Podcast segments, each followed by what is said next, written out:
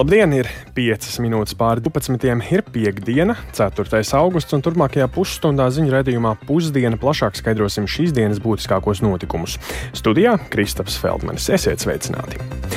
Šodien sākta parakstu vākšana, lai sarīkotu referendumu par tautas vēlētu prezidentu. Jūnijas sākumā šādu ieceri uzsākt parakstu vākšanu Centrālajai vēlēšana komisijai rosināja partija Saskaņa. Saskaņa savu ierosinājumu pamatoja ar to, ka viņu prāta valsts prezidenta amats nedrīkst būt politiskā tirgus objekts projekts un valsts galva jāizvēlās tās pilsoņiem. Tagad, lai ierosinātu referendumu, gada laikā līdz nākamā gada 3. augustam jāsavāc aptuveni 150 tūkstoši Latvijas pilsoņu parakstu. Kolēģis Viktors Demīdovs devās Rīgas ielās, lai noskaidrotu, ko par iedzīvotāju vēlētu prezidentu domā sabiedrība. Jāsaka, viedokļi ir ļoti atšķirīgi. Man neliekas, ka tas būs labākais lēmums, ko mums ir pieņemt. Kāpēc? Es tā arī kaut kāda pēdējā vēlēšana rezultāts man neliekas. Man ir bijusi vilšanās bijusi tajās izvēlēs, ko cilvēki izdara. Bet, protams, es nevaru teikt, ka citi vēl nepareizi un es pareizi, bet man neliekas, ka tas mums ir vajadzīgs. Народ должен выбирать. Prezidents ir jāievēl tautai. Līdz šim prezidentu ievēlējusi saima simt cilvēku. Viņi cilvēkiem nejautāja, bet tautai ir savs viedoklis. Raudzīties var dažādi. Var paskatīties, piemēram, uz Lietuvas piemēru, ko viņi vienreiz ievēlēja. Tas ir atkarīgs no ļoti daudzām lietām no tautas dzīves, no tautas noskaņojuma, no tā, cik daudziem cilvēkiem mēs atdodam pilsonību, kuriem nevajadzēja dot. Latvijā vajag? Šobrīd es domāju, ka nē. Ziniet, mūsu patreizējiem prezidentam nav nekāda vaina, un tam, kas bija arī, nebija nekāda vaina. Nāda ļūģim vibirēt. Vajag tautai vēlēt, tāpēc, ka katram ir viedoklis, bet parlamentā ir tas kaut kāds jaunās vienotības viedoklis. Tajā pašā laikā, manuprāt, tas radītu arī savu veidu hausu. Tāpēc, ka nu, tomēr, kad ir eh, viena cilvēku daļa, kura izvēlas prezidentu, tomēr tas ir stabilāk. Un eh, pēc tam mēs varam kā tauta izvērtēt eh, viņu lēmumu. Vai jūs parakstītos par šādu iniciatīvu? Tomēr, jā, tāpēc, ka es esmu kā no tautas puses, tāpēc jā, es atbalstītu šādu iniciatīvu. Man liekas, parastā sistēma ir ok. Tad tā tad saimē ievēl, jā? Jā, Paldies. nevajag ASV sistēmu. Paldies! Nu, lūk, šādas ļoti atšķirīgas iedzīvotāju domas eh, par valsts vēlā, par iedzīvotāju vēlētu prezidentu, un mēs par šo pašu tematu arī turpināsim mūsu sarakstu, eh, sarunu. Eh, Parakstu vākšana ir sākusies, nu taču cik liela iespēja savākt nepieciešamos aptuveni 150 tūkstošus parakstu, lai ierosinātu šo referendumu. Kāds ir sabiedrības noskaņojums un kādi būtu potenciālie iegūmi un zaudējumi, ja valsts galva izvēlētos pilsoņi? To šajā mirklī vaicāšu politologam Gatim Krūmiņam. Labdien! Labdien! Nu, par ko jūsuprāt liecina sabiedrības noskaņojums un gaidas, vai vairākums atbalsta valsts eh, vēlētu prezidentu? Iedzīvotāju vēlētu Nu, prezidentu. Nu, ja mēs skatāmies tos aptauju rezultātus, kas ir faktiski no 90. gadiem, tad, nu, jā, tad sabiedrības vairākums saka, jā, mēs gribētu paši ievēlēt prezidentu. Bet nu, es teiktu, tā, ka tur drīzāk tas jautājums būtu jāizdod, jā, jāuzdod tāds, vai mēs kā sabiedrība esam gatavi tad, nu, mainīt kaut kādu konstitucionālo modeli un pāriet vairāk no tādas parlamentāras demokrātijas uz prezidentālu.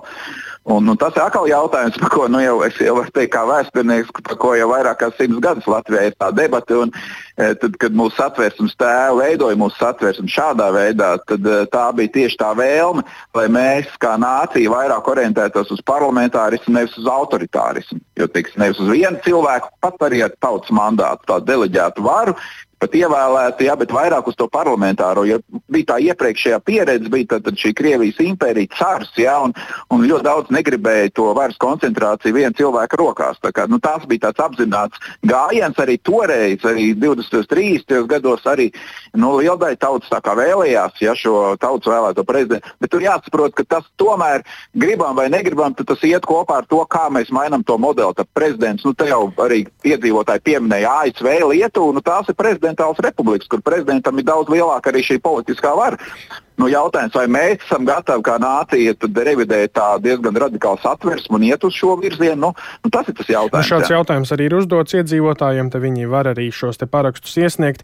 Nu, ja mēs pieņemam, ka 150 tūkstoši cilvēku nu, Latvijā atrastos, kuri nu, atbalsta šo, es pieļauju, ka arī varbūt vairāk. Kopumā, kā jums šķiet, nu, šie griezti ir gan augsti un nekad vēl nav izdevies sasniegt eh, parakstus eh, nepieciešamā daudzumā, vai šoreiz tas varētu izdoties? Nu, jā, nu, nu, it kā šis jautājums, nu, tie atkal ir tās vairākās puses. Jautājums, kas to rosina? Nu, it kā rosina saskaņa, kas nav pat tikusi parlamentā, un, protams, ka politiska partija, domājot par nākamām vēlēšanām, jau tā laicīgi un popularitāti viņi tā kā rosina. Viņi saprot, ka jautājums ir tautā kopumā populārs, un tad viņi mēģina, teiksim, arī es domāju, ka tas ir tas jautājums. Un atkal daļa sabiedrības skatās ārnu saskaņu pa virzu, jā, nu, tad varbūt mēs to negribam. Tie griezti ir, es teiktu, jā, nesamērīgi augsti, ja mēs skatāmies no tāda tiešā demokrātijas modeļa. Mēs viņus pacēlām, es teiktu, bet atkal tā vēl viena lieta - ģeopolitiskais fons. Ja mums samazinām tos 10% mazāk, ja, nu tad tādos kuāros vēl daudz runāja, ka tie ir riski, ka varētu mobilizēt nelielu sabiedrības daļu, nu, kas visu laiku kultivē kaut kādus jautājumus. Nu, atceramies toreiz bija par tām valodām. Nu, es teiktu, no vienas puses tādas bailes bišķīt ir. Tos referendumus mēs no dienas kārtības esam izslēguši. Es teiktu, ka mums nevajadzētu, nu, nākotnē mums būtu iespējams jāpārskata, ka tie 10% varbūt ir par augstu. Nu, varbūt, ka jāskatās zemāk, varbūt tomēr 5%. Tautai vajag uzticēties. Tas nav nekas slikts, kāds rosina šos referendumus. Ja mēs, ja mēs uzticēsimies tautai un šis referendums notiks un iedomājamies arī, ka nu, tiek pieņemts šāds lēmums, kādi ir tie iegūmi un zaudējumi varbūt pavisam īsi vēl jūs varat iestāstīt, izstāstīt valsts iekārtai, ja, ja ir valsts uh, iedzīvotāji vēlēts prezidents? Nu, es domāju, ja mēs nemainām pat nekādu modeli, nu, ieguvumi ir tādi, ka vairāk mēs iesaistām tautu. Un tas būtu ļoti labi. Jo cilvēki, ja tur, piemēram, nu, 70, 80% pat kaut kādās aptaujās saka, mēs gribam ievēlēt prezidenti paši, nu kaut vai ja puse aiziet, nu mēs varētu teikt, jā, reku vēl viens jautājums, tauta gribēja, reku šeit lemiet. Ja? Nu, no tāda viedokļa, no demokrātijas procesa un attīstības, es teiktu, tas nav galīgi nekas slikts. Jautājums, kas notiek pēc tam, ja? un jautājums, par ko tālāk cilvēki varbūt neaizdomājās, kā, kā tad kas tad būs tie kandidāti, kā viņi īsteno šo kampaņu, jā, vai tie būs neatkarīgi vai atkal politiski. Jā. Nu, tās konsekvences, tāds sajukums varētu iestāties. Gan iegūmi, gan arī, arī tādi riski, ar kuriem jārēķinās. Teikšu paldies šobrīd politologam Gatim Krūmiņam un atgādināšu, ka runājām par parakstu vākšanu, lai ierosinātu referendumu par tautas vēlētu prezidentu. E, bet turpināsim par kādu citu tematu. Pēc nesenajām pēkšņajām izmaiņām tās sauktajā slimnīcu līmeņošanas plānā veselības ministrijai atsakoties no sākotnējā nodoma pārtraukt grūtnieču aprūpi aprūpi un dzemdību palīdzību divās slimnīcās, rodas jautājums, cik rūpīgi plāns bijis izstrādāts un cik nopietni izsvērti visi argumenti to vai citu ārstniecības iestāžu profila maiņai. Un to noskaidrot ir centusies kolēģi Zana Eniņa, kura šobrīd pievienojusies mums studijā. Sveika, Zana! Labdien! Nu, vai vienkārši pietiek ar tādu skaļāku balsi un neapmierinātību, lai veselības ministrija grozītu savus plānus par slimnīcu tīklu sakārtošanu? Ko tas liecina par šiem plāniem? Mm, tāds aizdoms varētu rasties, jo izmaiņas plānā notiek pēc eh, divu slimnīcu un attiecīgo pašvaldību pārstāvju iebildumiem. Un proti tā dēvētajā slimnīcu līmeņošanas plānā bija paredzēts pārtraukt grūtnieču aprūpi un dzemdību palīdzību Dobels un apkārtnes slimnīcā un Balvu un Gulbens slimnīcu apvienībā, kā jau tu teici. Eh, pacientus novirzītu attiecīgi uz Jelgavas pilsētas slimnīcas un Rēzeknas slimnīcas grūtniecības un dzemdību nodaļām. Kāpēc tieši šajās divās slimnīcās grūtniecības un dzemdētājs vairs netiktu pieņemtas? Plānā pamatots ar statistiku, proti tās ir divas no pavisam piecām slimnīcām, kurās dzemdību skaits gadā ir mazāks par 500. Un tā ir robeža, zem kuras dzemdību palīdzība vairs nav kvalitatīva, droša un izmaksu efektīva. Tādas ir Pasaules bankas rekomendācijas. Taču attiecīgo pašvaldību un slimnīcu pārstāvji iebilda, ka abos gadījumos tikšana līdz norādītajām it kā tuvākajām iestādēm ir pārāk tāla, ap 100 km. Noraidīti tika arī aizrādījumi par sliktajiem zīdaiņu mirstības rādītājiem. Veselības, iebildi, veselības ministrija šīs iebildes ņēma vērā, Un no nodoma balvos un dobelē dzemdību palīdzību vairs nesniegt, atteicās Latvijas Veselības ekonomikas asociācijas vadītāja Daiga Behmane pauda, ka šī situācija viņai atgādinot laiku pirms 23 gadiem, kad Veselības ministrija virzīja tā dēvēto slimnīcu masterplānu, kas galu galā tā arī netika īstenots. Paklausīsimies! Situācija būtībā nedaudz atsaucas atmiņā 2000. gadu, kad bija izstrādāts uh, slimnīcu attīstības masterplāns Latvijā. Un praktiski toreiz šo plānu arī neieviesa, jo tie bija pašvaldību iebildumi, jo katrs saskatīja savu to lokālo interesi konkrētās iestādes saglabāšanā vai konkrēto profilu saglabāšanā. Un šobrīd mēs esam nedaudz citā situācijā, jo arī slimnīcu tīkls jau ir attīstījies, bet uh, tomēr ir jāskatās uz nākotni. Un, ja mēs gribam nu, skatīties uz tādu mūsdienīgu, attīstītu veselības aprūpas sistēmu, tad mums būs jāiet šajā konsultācijas virzienā.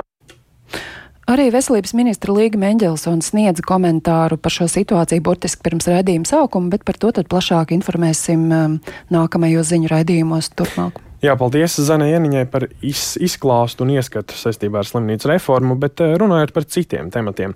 Āfrikas cūku mēris Latvijā plosās jau devīto gadu, taču ar vienu slimību ik gadu nonāk arī cūku audzētāju saimniecībās. Jauns gadījums konstatēts nelielā piemājas saimniecībā Madonas pusē, tādēļ pārtikas un veterinārā dienesta, saim, pārtikas un veterināras dienesta saimniecībām atgādina par rūpīgu biodrošības pasākumu ievērošanu. Tikmēr eh, tie, kas ar slimību saskārušies iepriekš, ar vienu cīnās cīnās ar sekām, jo šiem audzētājiem ir sarežģīti atgriezties nozarē un plašāk Sintīs ambots ierakstā. Āfrikas cūku mēris šajā nedēļā konstatēts piemājas saimniecībā Madonas novada ļaudonas pagastā. Slimība laboratoriski apstiprināta nereģistrētai mājas cūkai. Vairāk par nu pat atklāto gadījumu stāsta pārtikas un veterinārā dienesta dzīvnieku infekcijas uzraudzības daļas vadītājs Mārtiņš Seržants gadījumu ziņoja veterinārā ārsts pēc tā, ka tā ārstēšana nebija efektīva un dzīvnieks bija nobeidzies ar samērā raksturīgām klīniskām pazīmēm Āfrikas cūkumēriem. Šajā gadījumā novietni pats par sevi bija reģistrēta, bet pati cūka nebija. Proti ne pārdevējs, ne pircējs, pavasarī iegādājoties uh, Sivānu, bija paziņojis par to lauksniecības datu centrā. Bet apbūdot novietni uz vietas, nu, biodrošība varbūt nebija kritiskā līmenī, varbūt viņa nebija perfekta, bet uh, iespējamie saslimšanas iemesli ir uh, kaut kāda dārziņu izbarošana no lauka, bet uh, gan Madonas novadā, gan arī pašā Ļaudonā ir ļoti tuvu konstatēti Āfrikas cūkmēra gadījumi meža cūkās. Ventspils novada Vārves pagasta saimniecībā Oši cūku mēris tika konstatēts pirms diviem gadiem. Saimniekam Raitim Krūmiņam nācās likvidēt ap 2000 cūku ganāmpulku, vienlaikus saimniecībā īstenot arī Eiropas projekti. Saimniecība tikai pēc gada saņēma arī valsts kompensāciju. Pat laban darbu cūkopības nozarē Oši vēl nav atsākuši, un saimnieks lēš, ka atsākot pilna cikla cūkopību pirmie ieņēmumi varētu būt vien pēc gada ne PVD, mēs man pašam nav īsti no tāda laba skaidrojuma, ja kā tas mērs ienāca tai fermā, kā viņš nonāca. Ja klasiski, tad pie kādām ārdurvīm, tad man, nu, varētu teikt, ka fermas vidū dziļākajā aizgaldā. Līdz ar to tas ir tāds, nu, varētu teikt, jautājums, kas kavē saņemties drosmi un atsākt. Nu, es nevaru droši pateikt, ka, nu, būs labāk. Nu, šobrīd ferma ir tukša, jā. Bet lielāks tās cerības un nu, nu, tādu nosacīto to drošību liek uz to vakcīnu, nu, ka viņi izstrādāt vai Eiropā vai jā, citur izstrādāt to pielāgot. Cūkaudzētāja asociācijas vadītāja Dzintra Lēniec norāda, ka nozare ilgstoši sadzīvo ar spriedzi par slimības riskiem, kuru palielina katrs uzliesmojums. Madonas pusē lielu saimniecību gan pat laba nav. Lēniec papildina, ka cūkopība šobrīd ir ļoti naudietilbīga nozare. Protams, ka katrs šis gadījums ir satraucošs un nav starpība, vai tā ir liela vai maza cūku novietne. Protams, jāsaka, ka tas nav tikai Āfrikas cūkmērs, bet, diemžēl, ir sakritis vairāk šie nelabvēlīgie faktori, jo mums iepriekšējie divi gadi bija ar uh, kopējo Eiropas cūgaļas uh, krīzi, kad ir vairākas komponents ar mīnus zīmu un Āfrikas cūkmērs. Tā skaitā, jā, ir cūku skaits samazinājies, ir uh, zem 300 tūkstošiem, kopējais dzīvnieku skaits ir 291 tūkstots, un arī sivānu māšu skaits ir ļoti samazinājies no 30 uz 21 tūkstoši. Biedrošība ir jāievēro ikvienā saimniecībā Latvijā, kurā tiek turētas mājas cūkas neatkarīgi no to skaita. Šogad slimība konstatēta jau sešās mājas cūku novietnēs - Gulbenes, Madonas un Krāslavas novados. Pērn visa gada laikā Āfrikas cūku mērs tika konstatēts arī sešās novietnēs. Sinti Amboti, Latvijas radio.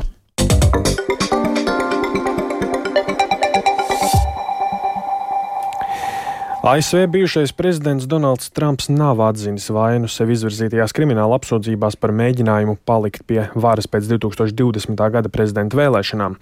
Viņš vakar ieradās federālajā tiesā Vašingtonā, lai uzklausītu apsūdzības, kuras Trumps nodēvēja par politisku izrēķināšanos, lai nepieļautu viņa kandidēšanu 2024. gada ASV prezidenta vēlēšanās. Par šovu pie tiesas nama parūpējās Trumpa atbalstītāji un noliedzēji, kuri viens otru centās pārspēt ar saviem lozungiem. Vairāk stāsta Uldis Česberis. Jau vairākas stundas pirms Trumpa ierašanās tiesas namā tā apkaimē pulcējās gan viņa atbalstītāji, gan pretinieki, lai ar plakātiem un dažādiem izsaucieniem izteiktu savu viedokli par nu jau kārtējām krimināla apsūdzībām pret bijušo prezidentu. No, no, no, Īpašu uzmanību sev pievērsa kāds piepūšamā Trumpa kostīmā tērpies vīrietis, kurš kariķēja bijušo prezidentu, kliedzot, ka viņš nevēlas doties uz cietumu. Sanākušie vēlreiz apliecināja, cik ļoti sašķelta ir ASV sabiedrība, ja runa ir par Trumpu. Trumpa atbalstītāja Sūzana Manka sacīja, ka Trumps ir politiskās izrēķināšanās upuris. Jūs esat redzējuši tādas valstis kā Venecuēla un arī citas valstis, kurās varu pārņemt diktatori. Un Viņi izmanto tiesas un cietumus, lai kontrolētu savus politiskos oponentus. Un tagad mēs to redzam Amerikas Savienotajās valstīs, un šī ir ļoti skumja diena. Bet es domāju, ka tas aktivizēs un pamodinās Amerikas iedzīvotājus. Savukārt bijušā prezidenta kritiķis Dominiks Santana uzskata, ka Trumpa vieta ir cietumā. Esmu šeit, lai pateiktu pasaulē, ka Donaldam Trumpam jau sen vajadzēja būt ieslodzītam, vēl pirms viņš pats nonāca Baltijā namā. Ameriku apmuļķoja, Ameriku piešmauca, un viņš ir žurka. Viņš ir krāpnieks no Ņujorkas, un viņu vajadzēja apcietināt jau sen. Long, long Īpašais prokurors Džeks Smits šonadēļ izvirzīja Donaldam Trumpam apsūdzības saistībā ar viņa rīcību pēc 2020. gada prezidenta vēlēšanām, kad Trumps bez pamatojuma apgalvoja, ka balsojuma rezultāti ir viltoti un centās ietekmēt atsevišķu štatu vēlēšanu komisijas pārskatīt rezultātus. Viņa mudināti Trumpa atbalstītāji 2021. gada 6. janvārī iebruka ASV kongresa ēkā Kapitolijā, laikā, kad kongresmeņi balsoja par vēlēšanu rezultātu apstiprināšanu. Prokurors uzskata, ka Trumpa rīcība nopietni apdraudēja ASV demokrātiju. Smits Trumpu apsūdzēja mēģinājumā apkrāpt valsti un ierobežot pilsoņu tiesības, oficiālo procedūru kavēšanā un liecinieku ietekmēšanā. Trumps uz tiesas namu Vašingtonā ieradās no savas rezidences Ņūdžersijā.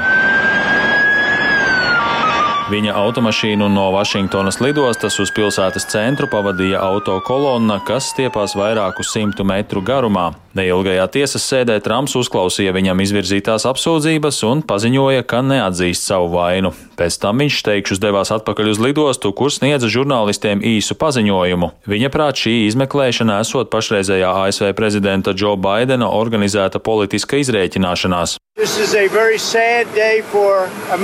Šī ir ļoti skumja diena Amerikai. Ja paskatās uz notiekošo, redzams, ka tā ir politiskā pretinieka vajāšana. Amerikā tam nekad nevajadzētu notikt. Tā ir vajāšana pret personu, kas Republikāņu partijas priekšvēlēšanās ar ļoti, ļoti ievērojamu balsu pārsvaru ir vadībā un aptaujās ar lielu pārsvaru apsteidz Baidenu. Tātad, ja jūs nevarat viņu pārspēt, jūs viņu vajājat un ierosināt lietu pret viņu. Mēs nedrīkstam pieļaut, ka Amerikā tā notiek.